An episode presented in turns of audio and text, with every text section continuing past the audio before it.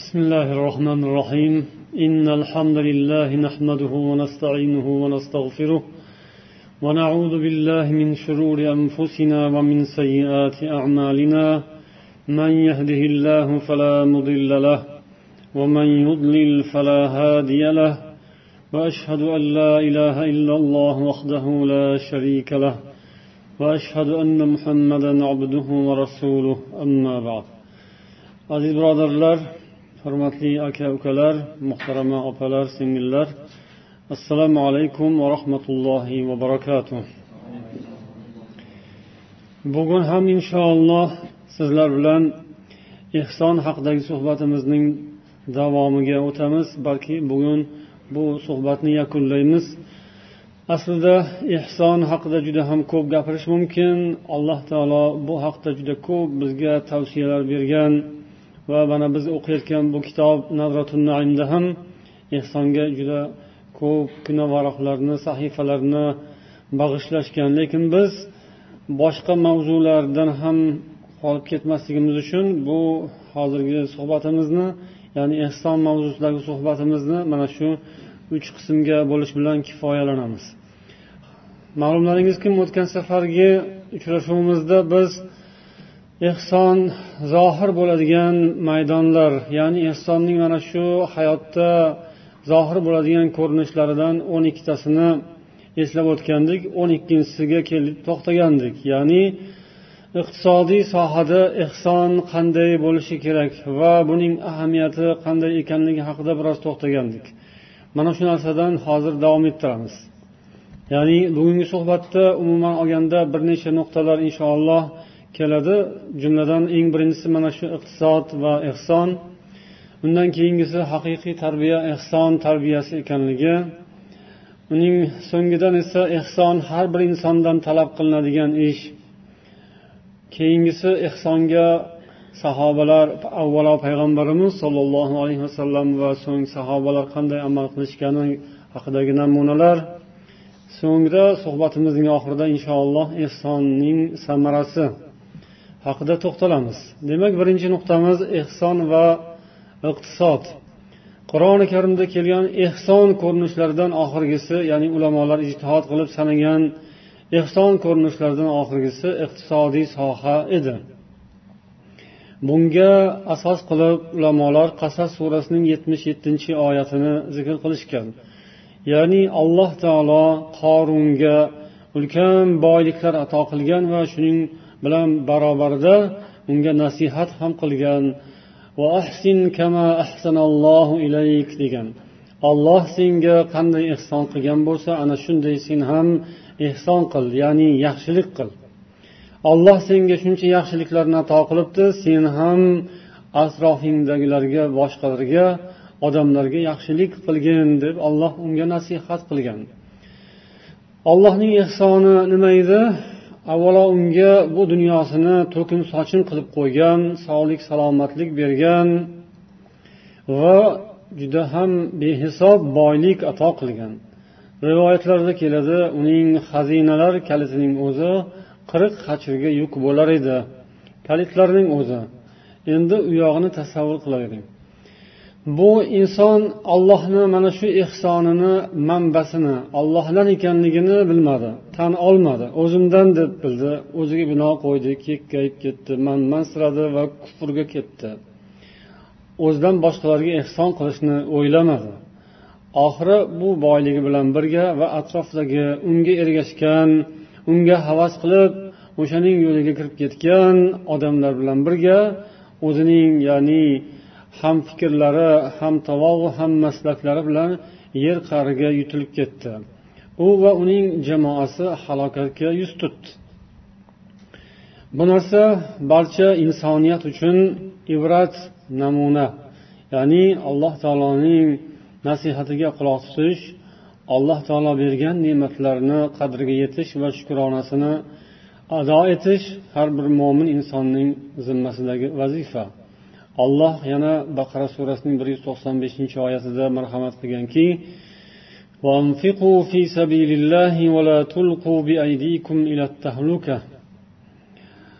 olloh yo'lida infoq qilingiz va o'zingizni o'zingiz halokatga tashlamangiz.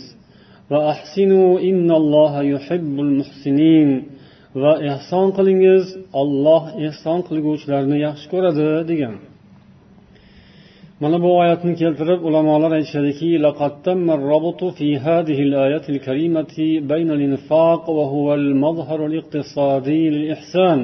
mana bu oyatda alloh taolo infoq bilan iqtisodiy sohani orasini bog'lagan. Infoq bilan alloh taolo tahluka orasini bog'lagan. Tahluka ya'ni halokat. Infoq ehson qilish bilan halokatni o'rtasini alloh taolo bog'ladi. Infoq ehson bu yerda iqtisodiy bir ko'rinish deyishadi. Ya'ni olloh ehson qilingiz yaxshilik qilingiz dedi. Infoq qilingiz o'zingizni halokatga tashlamang dedi.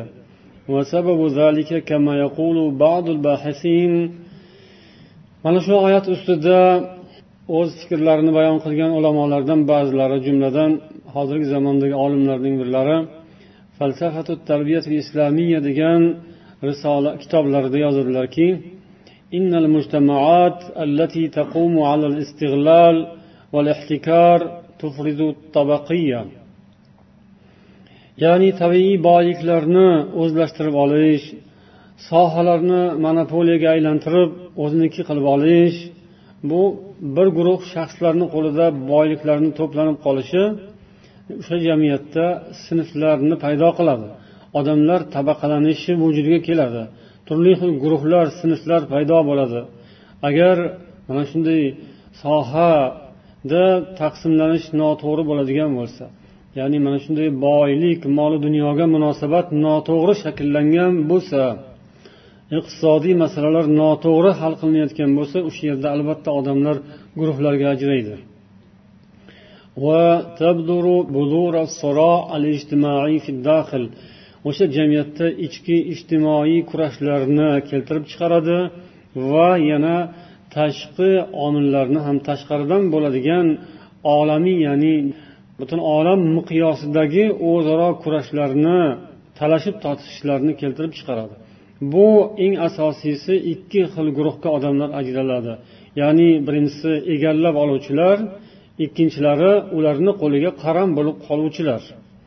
Ya'ni pul moli dunyo kimning qo'lida bo'lsa ular hukmronlik qila boshlaydi. Odamlar pul bilan so'zni o'tkazishga boshlaydi.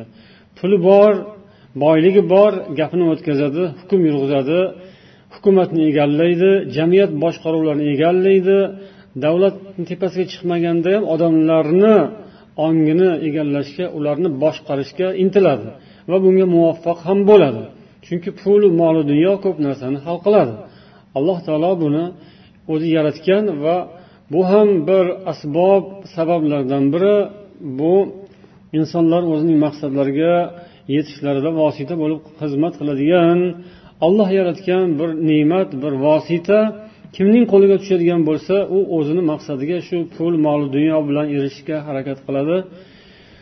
Agar bu narsa alloh taoloning ko'rsatgan yo'lida bo'lmasa islom yo'lida bo'lmaydigan bo'lsa odamlar kamida ikki guruhga ajraladilar ya'ni yuqori tabaqa va quyi tabaqa har ikki tabaqa baloyu ofatlarga mubtalo bo'lishadi deb yozadi bu bahis tadqiqotchi فالطبقة الأولى تقع فريسة للغربة والعزلة من ناحية وفقدان المحبة وشيوع النفاق من ناحية أخرى yuqori tabaqa ya'ni moli dunyoni qo'lida ushlab turgan boyliklarni bir joyga yig'ib olgan sanoqli guruh e, sanoqli odamlar shaxslar guruhlar bular xalqdan uzilish odamlardan uzoq bo'lish yakkalanish balosiga kasaliga mubtalo bo'lishadi.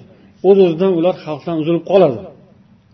Va yana muhabbat ya'ni yaxshi ko'rish degan hislat ularda bo'lmaydi. O'sha kimdan uzilib qolgan bo'lsa o'shani yomon ko'rishga boshlaydi. Xalqdan ko'pchilikdan ommadan uziladi. Ommaniga past nazar bilan qaraydi ularni yomon ko'ra boshlaydi ularni o'ziga dushman deb biladi. Va ular bilan yana munosabatga ham kirishganda munofiqlik qiladi. Shunday qilib ularda muhabbat o'rniga nifoq paydo bo'ladi. Bu bir tomondan. Yana shu bilan bir qatorda ularning qalbida qo'rquv paydo bo'ladi. Va adamul aman min uchinchidan ularda xotirjamlik yo'q ishonch yo'q kelajakka ishonch qolmaydi mana shunday qilib qo'lida boyliklar to'planib qolayotgan odamlar o'zlarini o'zlari shunday baloga giriftor qilishadi endi quyi tabaqachi فإنها تقع فريسة لمجموعة من الأخطار mustadafinlar ya'ni ularga qaram bo'lib qolganlar shu boylik qo'lida to'planganlarga odamlar qaram bo'lib qoladi. Ko'pchilik xalq omma ularni qo'lida ishlaydi ular ish beradi ular oylik beradi. Ular xohlasa qarzdor qilib qo'yadi hamma narsa ularni qo'lida.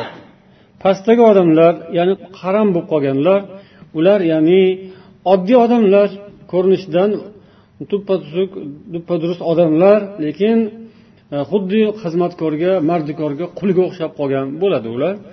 Va ularda paydo bo'ladigan bir qancha xatarli holatlar bor.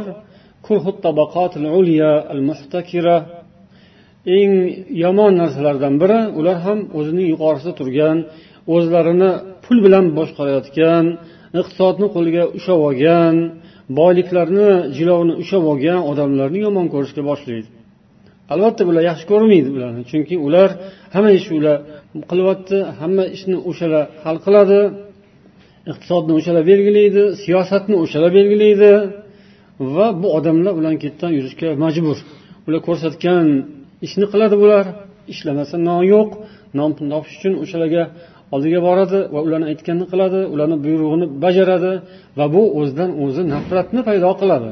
Ya'ni ular o'z ixtiyori erki bilan yashay olmaydi va ularga nisbatan hasad ko'rolmaslik yomon ko'rish paydo bo'ladi.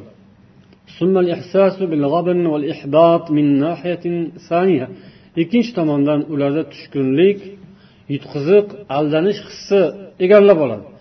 Ya'ni moliyaviy ishi iqtisodiy tirikchiligi hayoti moddiy hayoti yaxshi bo'lmagandan keyin ularda tushkunlik paydo bo'ladi. Ular xuddi o'ziga o'zini hayotida ularga yutqazgandek bo'ladi. Ya'ni hamma ish ularniki bular esa faqat ishlash kerak. Ular esa pul sanab ish buyurib o'tiradi. Bunday narsa u quyi tabaqa odamlarning kayfiyatiga aks ta'sir qiladi va natijada axiran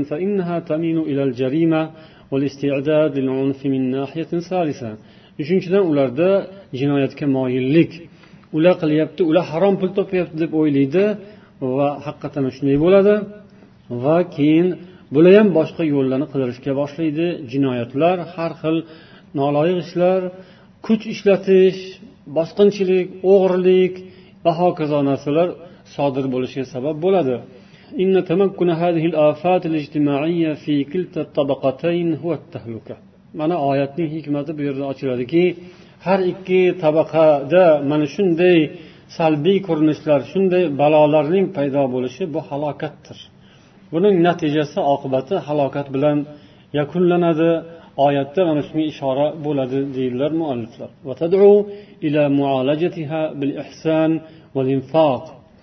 Oyat esa allohning dini esa bunday kasalliklarni ehson bilan infoq bilan muolaja qilishga chaqiradi. Haqiqatan ham hamma davrlarda bungi holatni mana shu iqtisodiy odamlarning moddiy hayotiga taalluqli bo'lgan omillarga nazar soladigan bo'lsangiz mana shu keltirilgan so'zlarni to'g'ri ekanligini ko'rish mumkin. Bugungi kunda ham qayerda kulfat ommaviy qashshoqlik iqtisodiy mashaqqatlar bo'layotgan ekan mana shu sabablar o'sha yerda bor olaylik o'zimizni o'zbekistonimizni yoki boshqa joyda odamlardagi og'ir hayot turmush mashaqqatlari iqtisodiy nochorlik kulfat buni oqibatida qancha yomonliklar paydo bo'ladi? Lekin buning kelib chiqish sababi shu. Ya'ni bir so'z bilan aytsa ehsonning yo'qligida infoqning yo'qligida yaxshilikning yo'qligida. Ehson demak u yaxshilik qilish degani. Davlat yoki bir hovuch amaldorlar mansabdorlar hamma boylikni davlat boyliklarini ham xalq boyliklarini tabiiy boyliklarni o'ziniki qilib oladi. Yoki qarindosh urug'lari bilan bo'lishib oladi. Yoki o'zini og'aynilari hamtovoqlari bilan bo'lishib oladi. U yoqdan ham bu yoqdan ham bitta joyga kelib quyilaveradi. Paxtani puli ham bug'doyni puli ham oltinni puli ham uranni puli ham hammasi ham keladigan joyi bir bo'ladi. Va u egalari tayinli odamlar bo'ladi. Bu yerda ehson yo'q xalqqa yaxshilik qilish niyat yo'q. Xalq nima ahvolda qolsa qolaveradi keyin uning oqibati ham bo'ladi. Oqibati kulfat bo'ladi. Yani o'zaro nafrat dushmanlik adovat hasad bir birini ko'rolmaslik. Tepada o'tirganlar pastdagilarga nafrat bilan qaraydi. Bular hammasi mana shunaqa yalqov.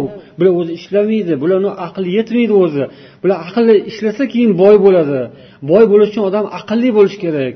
Biz boy bo'lgan bo'lsak aqlimiz bilan bo'lganmiz deydi. Xuddi qoringa o'xshab.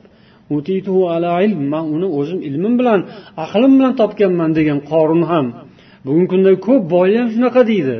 Ya'ni o'sha har xil yo'llar bilan pulni yig'ib qo'liga ushlab oladida yoki iqtisodni qo'liga olib oladida o'zi o'zimdan deydi. Man aqlliman ular ham aqlini ishlatsin ular ham harakat qilsa boy bo'lishi mumkin mana man bo'ldimku deydi. Shunday qilib omma xalqni yomon ko'radi ular. Omma xalq keyin ular nima qilsin? Yaxshi ko'rsinmi yomonlikka ular ham yaxshilik bilan qanday qilib javob bersin? Ular ham xuddi mana shu narsani qaytaradi. Ya'ni nafratga nafrat bilan adovatga adovat bilan kuch ishlatishga kuch ishlatish bilan javob beradi keyin odamlar. Va bu halokat.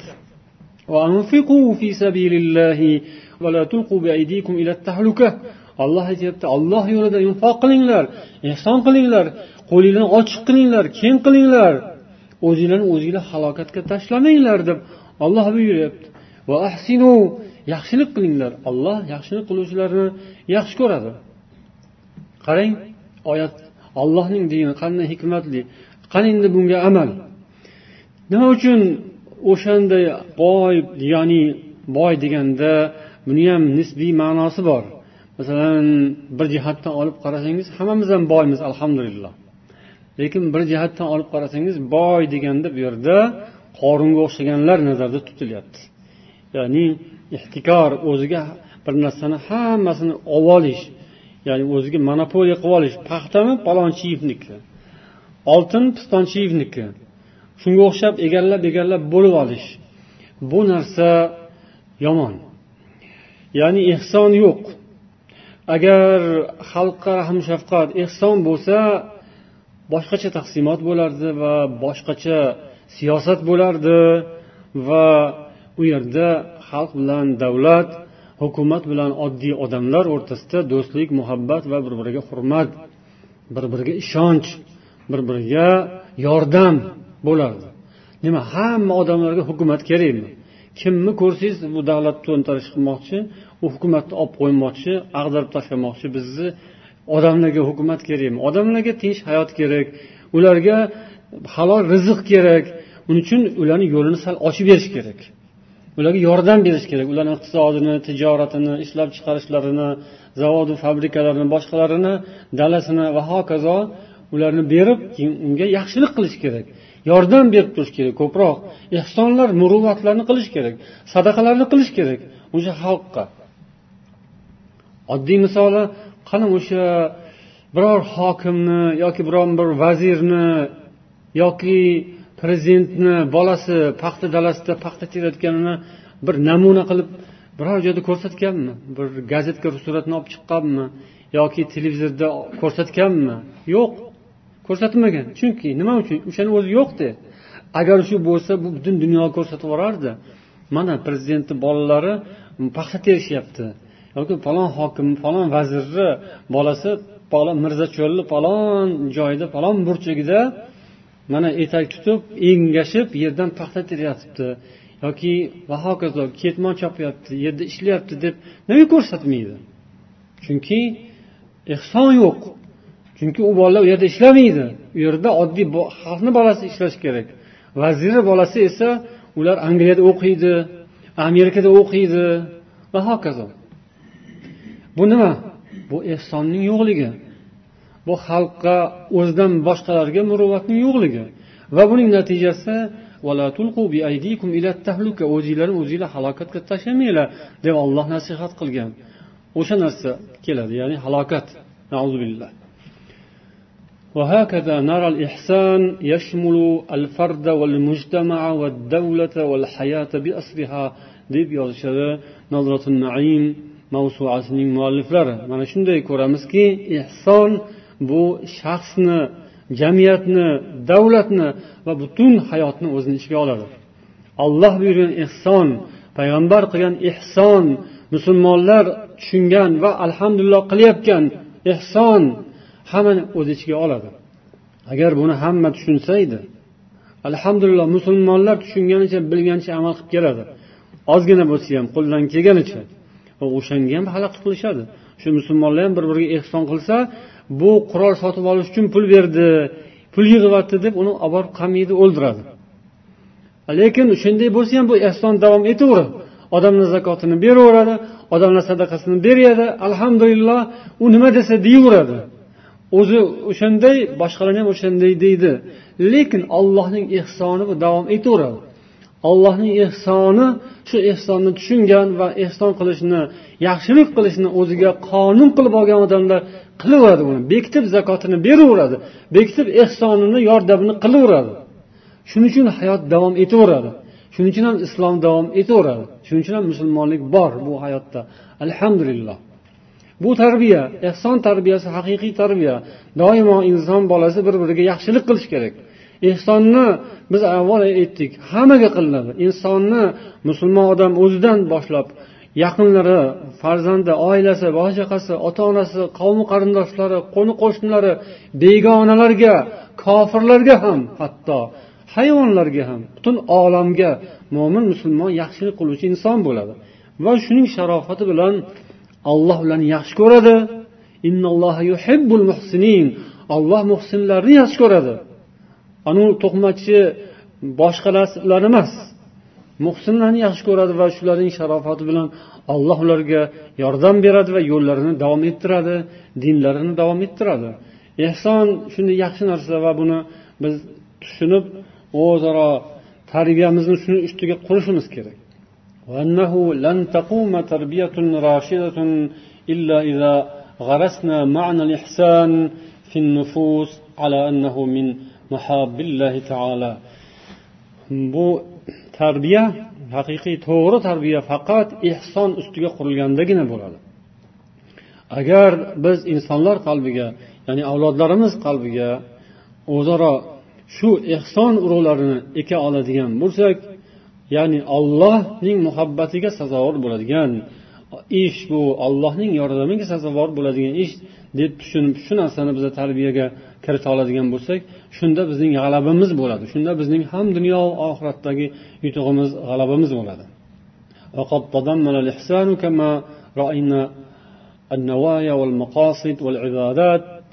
Biz ko'rib o'tdik ehson hamma narsani o'z ichiga oladi. Niyatlar maqsadlarni ibodatlarni so'zlarni ishlarni hammasini o'z ichiga oladi. Yani hammasida ehson bo'lishi kerak. Odam niyatida ehson bo'lishi kerak maqsadida. Ya'ni yaxshilik. To'g'rilik yaxshilik va ibodatlarni ham ehson bilan qilish ya'ni alloh uchun olloh ko'rib turganday va so'zlarni ham gapni ham va amallarni ham. Mana shu hammasi jamuljam bo'ladi va shunda inshaalloh ehson amalga oshgan bo'ladi va uning natijasi ham inshaalloh muyassar bo'ladi bizga. Ehson har bir insondan talab qilinadigan amal ekanligi xususida. Bilamiz ehsonni turi ko'p. Muayyan bir ehson turini qilishni farz deb aytilmaydi. Ehson bu mustahab umumiy olganda ko'pincha umumiy tarzda targ'ib qilinadi. Va ahsinu innalloha yuhibbul muhsinin deydi olloh ehson qilingiz. Olloh albatta ehson qiluvchilarni yaxshi ko'radi. Bunday oyatlar judayam ko'p. Alloh yuhibbul muhsinin. Olloh ehson qiluvchilarni yaxshi ko'radi. Targ'ibot doimiy. Ammo inson degan zot o'zi insof qilib o'ziga munosib o'rinlarda ehson yo'llarini tutib borish kerak. Ehson bu farzlarni ham ichiga oladi va mustahab amallarni ham ichiga oladi. Biz avval ham aytdik farzlari asosiylari adil bo'lsa ehson uning ziyodasi. Mana shu qo'shimchasi bilangina inson maqsadga yetadi. Shunda uni farz amallari ham qabul bo'lishi osonlashadi. Agar faqat farzni o'zini qilib adilni o'zini tutaman deb ehsonni unutsa u odam adilga ro'baro bo'lib halok bo'ladi. Agar olloh adil bilan muomala qiladigan bo'lsa hammamizga halok bo'lamiz. Ollohni fazlidan umid qilamiz adildan qo'rqamiz. Ya'ni adil bittaga bitta barobarga barobar. Biz barobarga barobarga yaramaymiz. Ya'ni unda insonni hech narsasi qolmaydi. Bir eslab o'tdikku jannat abadiy. Dunyodagi hayot to'qson yil sakson yil oltmish yil nari beri oltmish yil yetmish yil ibodat qilib abadiy jannatni qanday qilib qo'lga kiritib bo'ladi? Odamni zotga qolsa odamzod o'ziga oltmish yilga oltmish yil deydi. Jannat esa kelmasa bu dunyoda ba'zi bir hisob kitob qilsa bir yilga bir yilda hisoblaydi. Olloh ham agar yilma yil hisoblaydigan bo'lsa qanday bo'ladi? Olloh asrasin allohning fazli karamidan umidvormiz. Fazlini karamini ehsonini kutamiz. Ehsoni bilan yashaymiz. Ehsoni bilan rahmati bilan jannatga kiramiz. Omin shunday ekan biz ham bittaga bitta emas ehson bilan muomala qilishimiz kerak. Agar biz faqat farzlarni bajarsak unda ehson tomonga o'tmagan bo'lamiz o'zimizga qiyin bo'ladi. Farzdan tashqari chiqib farzlarni bajarib chiroyli boshqasiga ham o'tish kerak ehsonga o'tish kerak. Ko'proq qancha qancha ko'p bo'lsa shuncha ko'p foyda bo'ladi o'shancha farzlarimiz qabul bo'ladi shunda inshaalloh. Chalalari nuqsonlari ehson bilan to'ladi. Alloh farzlarni tekshirtiradi. Farzlari chala nuqsonli xatolari bor chiqsa qaranglar bardammi nafllari bormi deydi. Keyin nafllari ehsonlariga qaraladi olib kelib o'sha bilan to'lg'aziladi. Keyin olloh qabul qiladi. Agar inson faqat farz ibodatlar yoki farz ehsonlar farz muomalalarni qilib u yog'iga o'tmaydigan bo'lsa go'yoki mana sani haqqing bo'ldi. Haqingni berdim manda hech narsa qolgani yo'q boshqa haqing yo'q degan bo'lib qoladi. Unaqa holbuki unaqa emas. Insonni ustidagi haq judayam ko'p. Ollohning haqqi. Ko'pi shu birodarlarga qiladigan odamlarga qiladigan yaxshiligimiz ehson tarzida ya'ni farzdan orttirib qiladigan ehsonimiz xudoning haqqi bu. Ollohning haqqi bu mana shu ham. Biz shuni tushunishimiz kerak. Agar biz yo'q u manga mana uni qilgan man ham shuni qilaman undan ortig'ini qilmayman deb turadigan bo'lsak biz ollohni haqqini to'sayotganday bo'lib qolamiz. chunki kim bergan bizga bu ortiqchalik qilayotgan bo'lsa olloh berganku ustimizdagi haq yoki biz qilishimiz mumkin bo'lgan ishlar ollohning haqqi olloh bergan ne'mat ollohnikini ollohga berishimiz kerak عن أبي موسى الأشعري رضي الله عنه عن النبي صلى الله عليه وسلم قال على كل مسلم صدقة payg'ambar sollallohu alayhi vasallam muslim rivoyat qilgan hadisda aytdilarki har bir musulmon zimmasida sadaqa bor. Har bir musulmon zimmasida sadaqa qilish bor. Yo rasululloh agar shuni topolmasachi deb so'rashdi. Qo'li bilan ishlasin kasbkor qilsin topsin. O'ziga ham foyda keltirsin o'sha bilan va sadaqa qilsin. Bunga qodir bo'lmasachi? deb so'rashdi.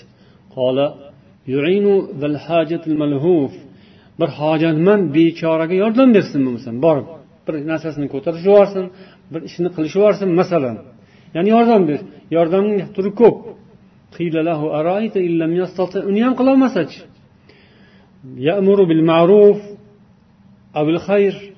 Yaxshilikka buyursin odamlarga yaxshi gaplarni gapirsin. Yaxshilikka chaqirsin. Buni ham qilmasachi yomonlikdan to'xtasin o'zini tiysin bu sadaqadir dedilar. Ya'ni bu eng past darajadagisi shu. Birovga yomonlik qilmasdan yomon gapirmasdan yomon gumon qilmasdan yomon niyat qilmasdan birovga ozor bermasdan yurishi eng past darajadagi bu ham sadaqa. Lekin rasululloh yuqorirog'ini aytyaptilar. Musulmonni ustida sadaqa bor. Sadaqa qilib turinglar. Ehson qilib turinglar. Yana bir hadisda aytdilar. Kimki olloh nomi bilan panoh so'rasa panoh beringlar. Olloh nomi bilan bir narsa so'rasa uni beringlar. Olloh nomi bilan sizlardan himoya so'rasa himoya qilinglar. Kimki sizlarga bir yaxshilik qilsa sizlar o'shanga yarasha javob qaytaringiz. Agar uni topolmasangiz yaxshiligiga yarasha yaxshilik qilolmasangiz uning haqqiga duo qilingiz dedilar. Man undan so'radimmi? Man undan so'rab oldimmi? O'zi qildiku o'zi berdiku. Man undan qarzim yo'q. Man undan so'rab talab qilib olmadim tortib olmadim. O'zi berdi o'zi tashlab ketdi. O'zi shunday muomala qildi. Bu man qarzdor emasman unga deb yuraverish emas. Birovdan siz bir munosabat bir muomala ko'rdingizmi? Yaxshilik. Yaxshilikni esa turi ko'p. Yaxshilik u faqat pul emas. Yaxshilik u faqat bir mato emas. Yaxshilik juda keng ma'nodagi narsa. Shunaqa yaxshilik ko'rdingizmi? O'shanga yarasha javob qilishingizni payg'ambar sollallohu alayhi vasallam buyuryaptilar. Man undan so'ramaganman man unga aytmaganman o'zi qilgan qilgan bo'lsa yaxshilikni yordam o'zi qilgan o'zi uchun qilgan savobini oladi. Unaqa emas. Bunaqa johilchasiga muomala qilishga buyurmayaptilar payg'ambarimiz sollallohu alayhi vasallam. Nimaiki yaxshilik qilgan bo'lsa rahmat alloh rozi bo'lsin tashakkur tez tez. Aytib eslab eslatib uni qilgan yaxshiliklarini unga yarasha duolar qilib qo'lingizdan kelgancha qaytarishga payg'ambar sollallohu alayhi vasallam buyuryaptilar. معروف فقال لفاعله جزاك الله جزاك الله خيرا فقد أبلغ في السنة kimgaki bir yaxshilik qilingan bo'lsa o'sha yaxshilik qiluvchiga jazakallohu xayran deb aytsa juda ham yetuk unga tashakkur aytgan bo'ladi kullu ma'rufin sadaqa har bir qilingan yaxshi ish sadaqadir buxoriy va muslim rivoyatlari yaxshilikdan bir kichkina narsani ham past sanamang birodaringizning yuziga ochiq chehra bilan qarash bo'lsa ham muslim rivoyatlari an qays ibn abi g'araza bu sahobiy rivoyat qiladilar كنا في عهد رسول الله صلى الله عليه وسلم نسمى السماسرة biz payg'ambar sollallohu alayhi vasallam zamonlarida samasira deb nomlanardik ya'ni dallol degani ekan Rasululloh sollallohu alayhi vasallam bir kuni oldimizdan o'tib qoldilar. bizning avvaldagi ismimizdan ham ko'ra chiroyliroq ism bilan bizni nomlab aytdilarki ya masharat tujjar ey savdogar ahli ey savdogarlar jamoasi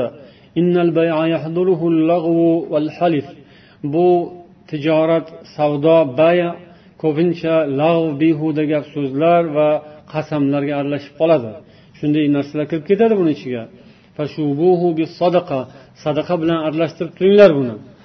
Ya'ni shu tijoratingizni bayingizni ishingizni sadaqa ehsonlar bilan aralash qilinglar.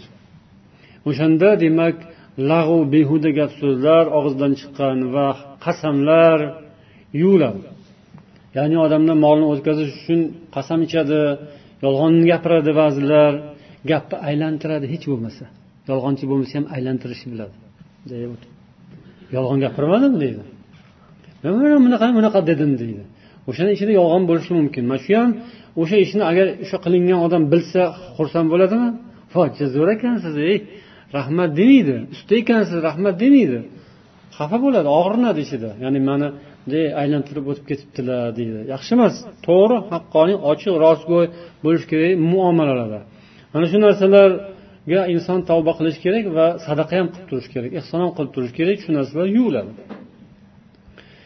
ehsonga payg'ambar sollallohu alayhi vasallam o'zlari va sahobalari qanday amal qilishgani haqida qisqacha bir to'xtalib o'tamiz عن عثمان بن عفان رضي الله عنه في خطبة له usmon ibn affon roziyallohu anhu bir xutbada aytdilar. Inna vallohi qad sahibna rasulullohi sollallohu alayhi vasallam biz allohga qasamki rasululloh sollallohu alayhi vasallam bilan birga safarlarda ham vatanda ham hamroh bo'ldik. U zot bizning kasallarimizni ziyorat qilardilar. Janozalarimizga ergashib oxirigacha borardilar. biz bilan birga g'azotga chiqardilar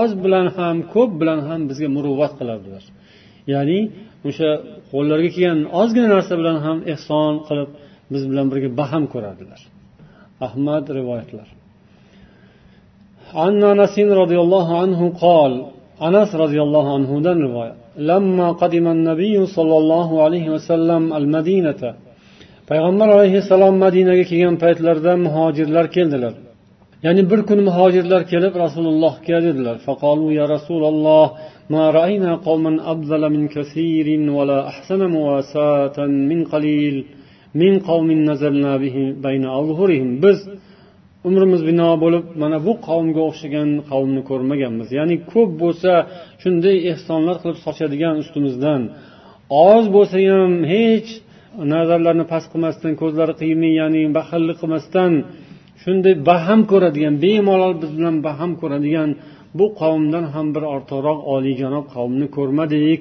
dedilar ya'ni kimlar haqida ansoriylar haqida muhojirlar لقد كفونا المؤنة وأشركونا في المهنة ular bizning og'irimizni yengil qilishdi mashaqqatlarimizga o'zlarini tutib berishdi mashaqqatlarimizni o'zlari qabul qilib o'zlarini yelkalariga olishdi Va yaxshiliklarini rohatlarini biz bilan birga baham ko'rishdi.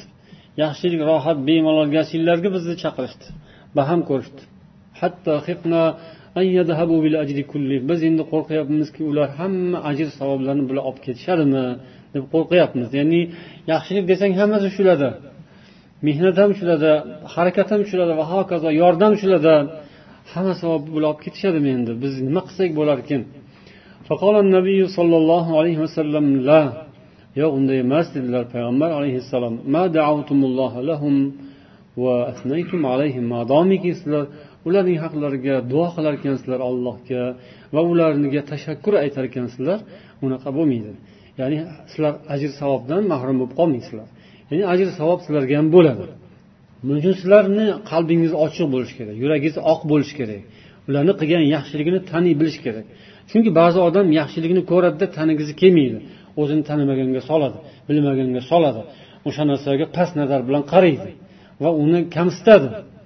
Uni xuddi qabul bo'lmaydigan ish deb qaraydi. Yerga uradi. E umi u undog'ida bundog'ida deydi. Yo'q uning o'rniga o'sha narsani siz qilolmasangiz u qilayotgan bo'lsa xursand bo'lsangiz sizga ham o'shaning ajri bo'ladi. Ba'zi odam o'zi qilolmagan yaxshilikni birov qilayotganini ko'rsa hasad qiladi yomonlaydi pastga uradi ko'rmaganga solib o'tib ketaveradi bu yaxshi emas o'shanda demak ajr u bilan ketadi agar u bilan barobar bo'lsa yuragini ochiq qiladigan bo'lsa xursand bo'la olsa ajr bunga ham bo'ladi agar sizlar shunday bo'lsangiz dedilar rasululloh modomiki ajr sizlarga ham bo'ladi عن عائشة رضي الله عنها قالت عائشة أنا مزيتلر سمع رسول الله صلى الله عليه وسلم صوت خصوم بالباب bir kuni payg'ambar alayhissalom eshikni ostida eshik tagida ikkita odam husumatlashib qolayotgan husumatlashib janjallashib qolgan odamni ovozini eshitib qoldilar. Ularni ovozlari baland bo'lib ketayotgandi shulardan bittasi ikkinchisidan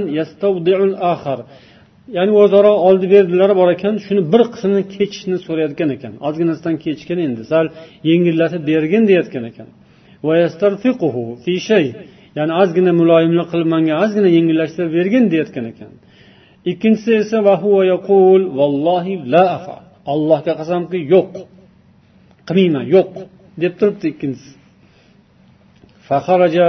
Rasululloh sollallohu alayhi vasallam alayhima ularning ustilariga rasululloh sollallohu alayhi vasallam chiqib keldilar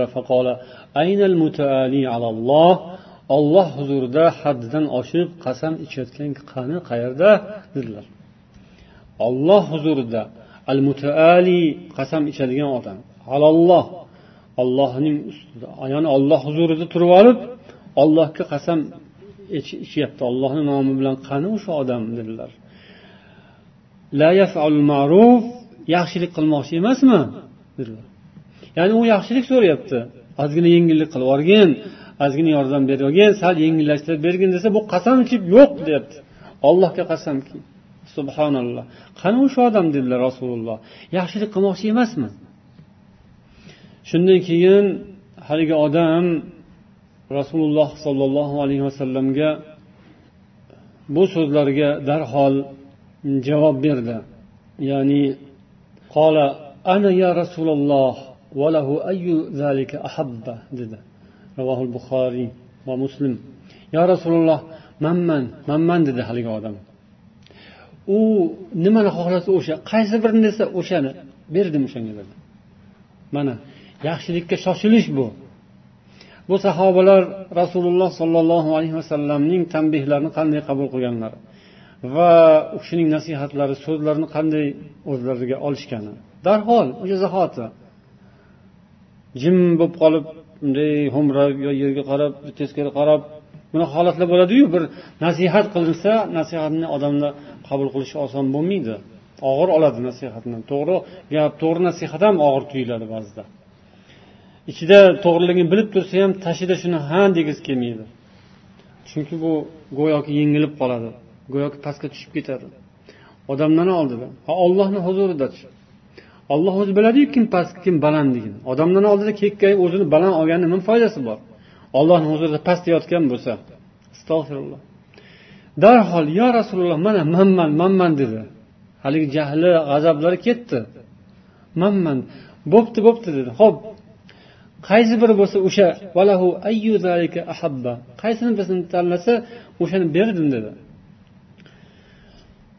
ya'ni yaxshilikka odamlar shunday tayyor bo'lishgan va shoshilishgan tez qabul qila olishgan alhamdulillah bu hadisning sharhida ulamolar aytishganki avvalo إذا تأملت هذا الكلام بأن لك لطافة النبي صلى الله عليه وسلم ya'ni bu hadisning sharhida al mufhim lima ashkala min talxisi kitob muslim degan sharhda rasululloh sollallohu alayhi vasallamning latofatlari u kishining zehnlari va u kishini e'tiborlari odamlarning holatini anglay bilishlari.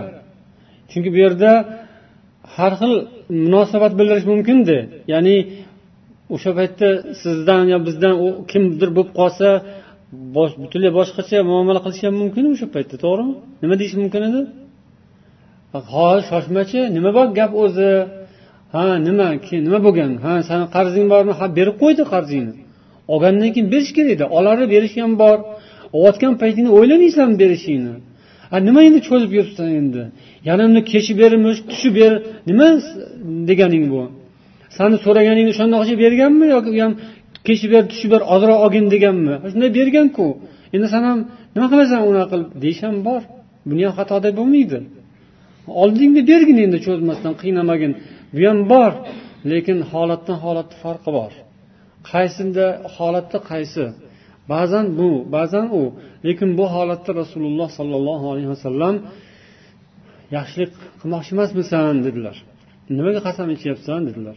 Va bu bilan payg'ambar sollallohu alayhi vasallamni o'sha odamning holatini ilg'aganlari anglaganlari ma'lum bo'ladi.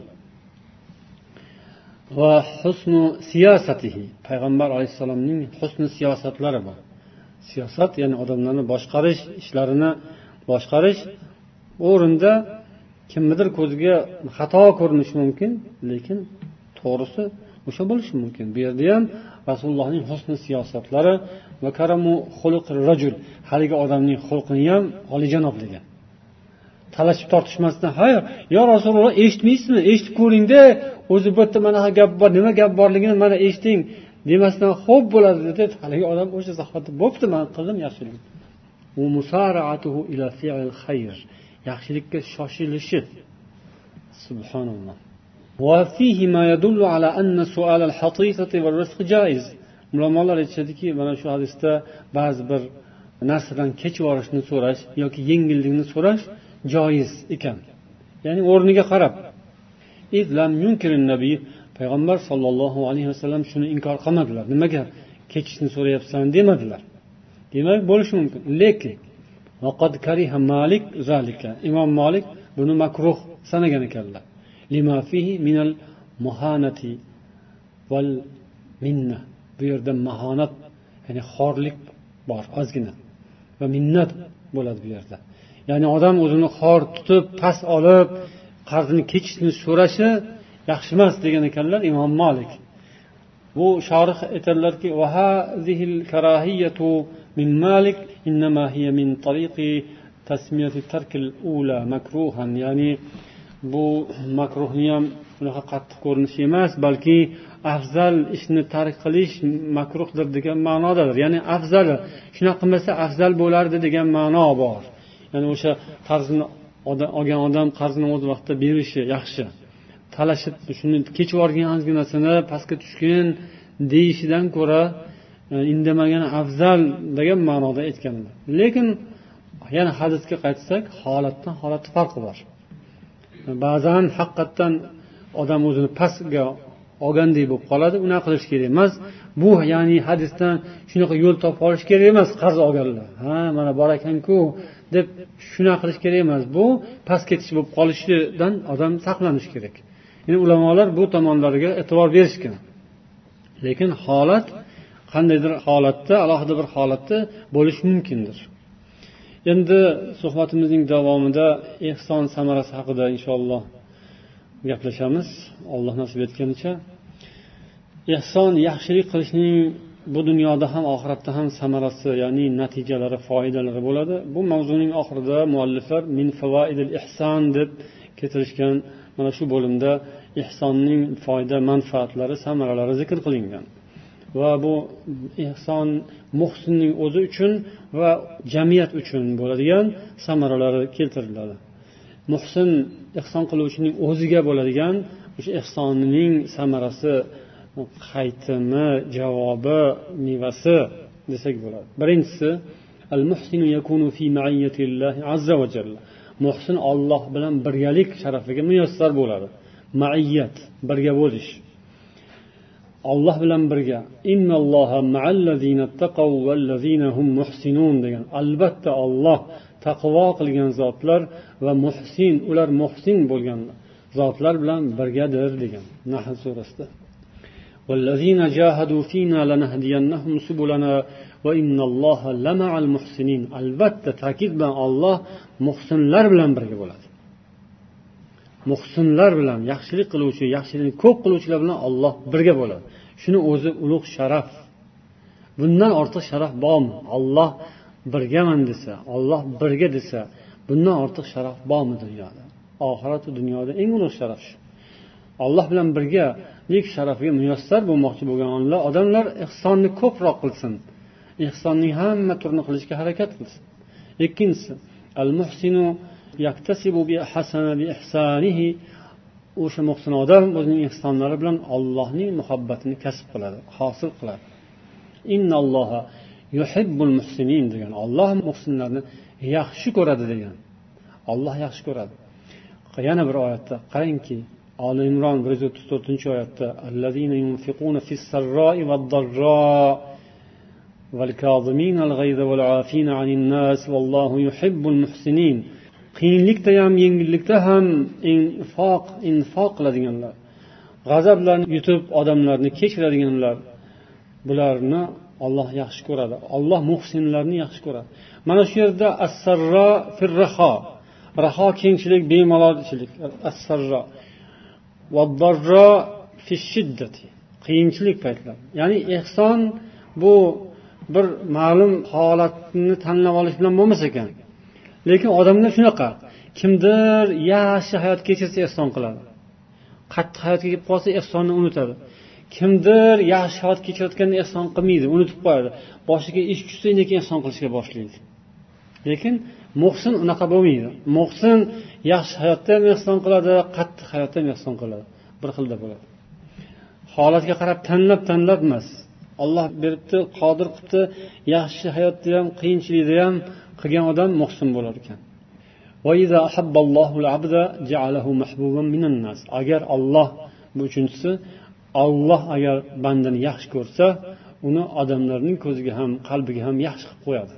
Uni odamlar ham yaxshi ko'rishadi.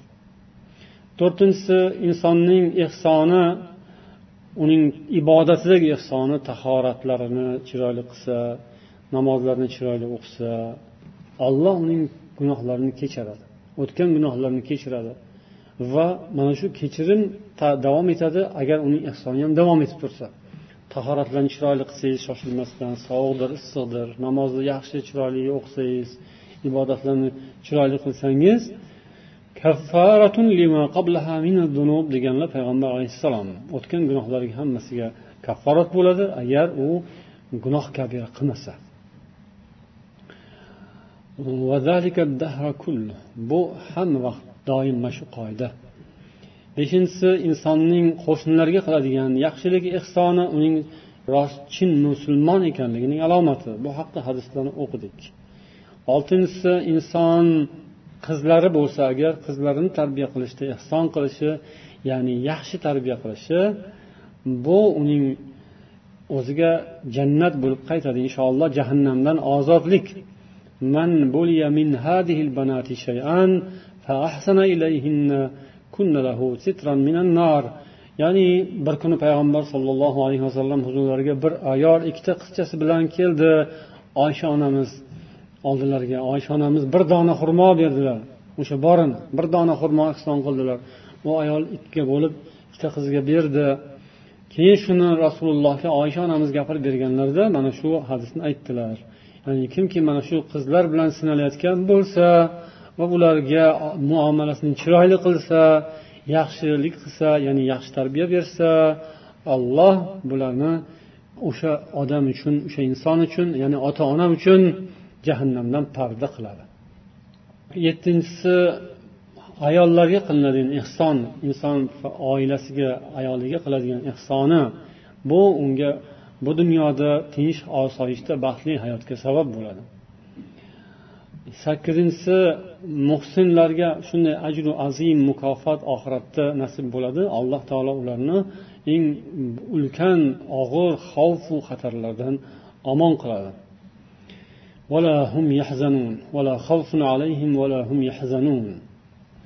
To'qqizinchisi muhsin odam doimo allohning rahmatiga yaqin bo'lib turadi. Nusibu bi rahmatina man nasha va la nudiu ajral muhsinin degan olloh biz xohlagan bandamizga rahmatimizdan ato qilamiz. Muhsinlarning ajrlarini bekor ketkazmaymiz degan.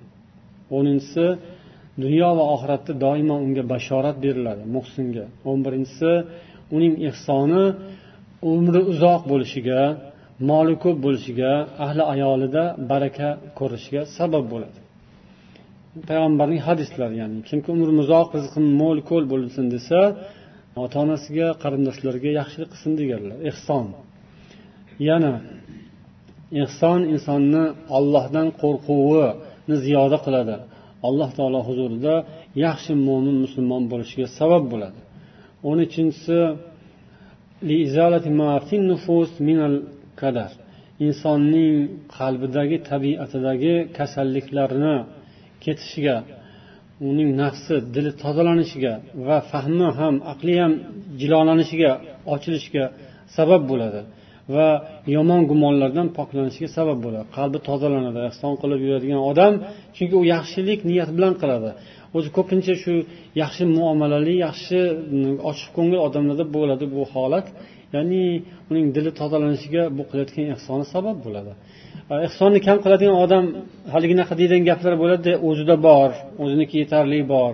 Undan ko'ra man o'zim loyiqroqman deydi. Ya'ni shu dilidan har narsa o'tib ketib qoladida shuning uchun ehson qilish insonni dilini tozalashiga sabab bo'ladi. O'n to'rtinchisi o'ziga o'zi bino qo'yishdan uzoqlashtiradi. Insonni ujubga berilishdan shu ehson qilishlari poklaydi saqlaydi.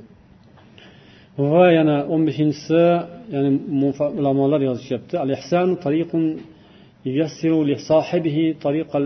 insonga ilm yo'lini osonlashtiradi. Ilm yo'li ochilib unga hikmatlar bulog'ini olloh ochib qo'yadi. bu hammasi qalbga bog'liq tushunchaga bog'liq inson qalbi tozalangan sayin ilm ham yaxshi kela boshlaydi va tushunchalari ham to'g'rilana boshlaydi إذا اقترن إسلام الوجه لله بالإحسان فإن ذلك يثمر الاستمساك بالعروة الوثقى alloh qur'onda aytganki yuslim ilallohi va huva muhsin kimki yuzini ollohga yuzlantirsa taslim qilsa muhsin bo'lgan holatda Bu odam mustahkam tutqichni ushlagan bo'ladi. Oqibat hammasi ollohnikidir kimki demak ehsonga o'rgangan bo'lsa u unga olloh natija qilib mukofot qilib urvatul visqoni beradi. Ya'ni dunyo va oxiratda mustahkam yopishadigan arqonni beradi. U bilan inson bu dunyoda ham halokatdan qutuladi oxiratda ham halokatdan qutuladi uzilib ketmaydigan mustahkam arqon u. o'n yettinchisi yer yuzida olloh unga imkoniyatlar yaratib beradi. Mana shunday biz yusufga imkoniyatlar yaratib berdik fil ard. Xohlagan joyga sayr qilib borib xohlagan ishini bitirib keladigan qilib qo'ydik. Biz xohlagan bandamizga rahmatimizni ato qilamiz muhsinlarning ajrini mukofotini bekor ketkazmaymiz. Yusuf muhsinlardan bo'luvdi. Biz uni ehsonining sharofati bilan rahmatimiz bilan yer yuzini bemalol sayr qiladigan qilib qo'ydik imkoniyat berdik deydi. O'n sakkizinchisi insonning ayblari yopiladi. قال رجل يا رسول الله أنؤاخذ بما عملنا في الجاهلية biz johiliyat paytida qilgan ishlarimiz bilan javobgarlikka tortilamizmi degan paytida payg'ambar sollallohu alayhi vasallam man ahsana fil islam lam yuakhaz bima amila fil jahiliya dedilar kimki islomda yaxshi bo'lsa islomi chiroyli bo'lsa johiliyatda qilgan yomonliklaridan javobgarlikka tortilmaydi dedilar kimki islomda turib yomonlik qilsa u avvalgisiga ham javob beradi keyingisiga ham javob beradi inson muhsin bo'lsa ayblar yopiladi demak gunohlari kechiriladi endi jamiyat uchun keladigan foydasi عظيمة تتجلى في تماسك بنيان المجتمع ehsonni nihoyatda buyuk natijasi bor samarasi bor. U shuki jamiyat binosi mustahkamlanadi. Bu biz shaxs haqida gapirdik avval. Hozir jamiyat insonlar jamiyati jamoasi binosi mustahkamlanadi. Va himayatuhu minal harob harob bo'lishdan himoya qilinadi. Va tahluka halok bo'lishdan himoya qilinadi. Va viqoyatu minal afatil ijtimaiyati najima. anil halal iqtisodiy iqtisodiy va hokazo tomonlardan keladigan zararlar va hokazo natijasida ofatlarga giriftor bo'lishdan himoya bo'ladi. Agar ehsonga to'g'ri amal qilinadigan bo'lsa o'sha muhsinlar yashayotgan jamiyat xarob bo'lmaydi. U vayronaga aylanmaydi xarobazorga aylanmaydi mamlakat qashshoq bo'lmaydi. Odamlar kambag'allashib gado bo'lib dunyoga pul qidirib tirikchilik non uchun xotinlari u yoqqa erkaklari bu yoqqa tarqab ketmaydi agar u yerda ehson bo'lsa. Jamiyat yaxshi pokiza jamiyat bo'ladi. Ikkinchisi bu ehson jamiyatning o'sishi taraqqiy topishi uchun vasiladir. Jamiyat rivojlanib gurkirab yashnaydi hamma u yerdan tirqirab emas hamma o'sha yerga intiladi ham bo'ladi. Chunki u yerda ehson bor yaxshilik bor. Shuning uchun u jamiyat yashnaydi uchinchisi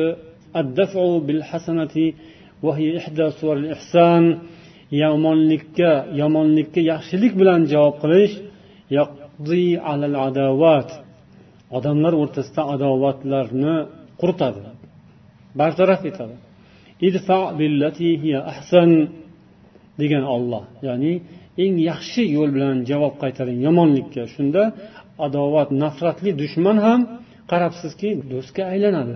Ya'ni jamiyatda agar ehson bo'lsa odamlar bir biriga yomonlikka ham yaxshilik bilan javob qaytarishning san'atini egallasa o'rgansa shuni sirlarini bilsa u yomonlik qilyapti sizga otyapti toshlarini boshqa narsalarni siz mo'ljallab turib shuni orasidan bir yo'lni topib nuqtasini topib bir yaxshilik qilsang o'sha bilan uni hamma yomonliklari shunday qulab tushishi mumkin. Lekin buni sirini bilish kerak buni o'rganish kerak. Buni bu san'at bu bu ilm bu hikmat bu sabr toqat bardosh va hokazo bu katta narsa bu ko'p. Bitta so'z bilan aytsa ehson. Agar ehson qilsa qilinsa odamlar bir biriga do'stga aylanishi mumkin dushmanlar ham. Buni olloh aytyapti.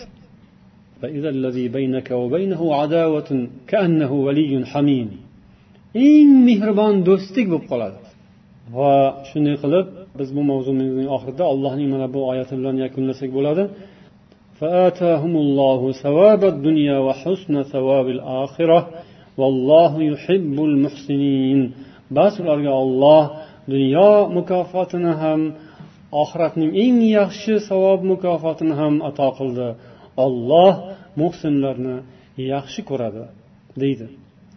Buning tafsirida alloh umuman bandalariga nasr g'alaba dushmanlar ustidan ustunlik zafarni ato qildi. Va bu savob dunyo oxirat savobini alloh ularga jamlab ato qildi.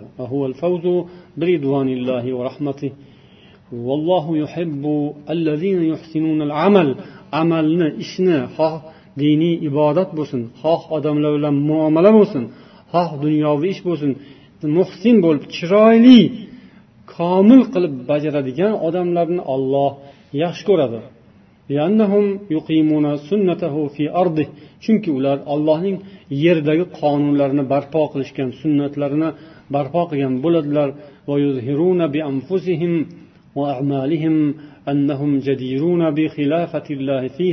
ular o'zlarini nafslari o'zlarini va ishlarini amallarini shunday qilishadiki shu bilan o'zlarini yerda ollohning xalifasi bo'lishga loyiq ekanliklarini isbot qilishadi shundan keyin olloh ularga nusrat beradi yordam beradi g'olib qilib qo'yadi alloh barchamizga mana shu va'dalarni nasib etsin سبحانك اللهم وبحمدك أشهد أن لا إله إلا أنت أستغفرك وأتوب إليك.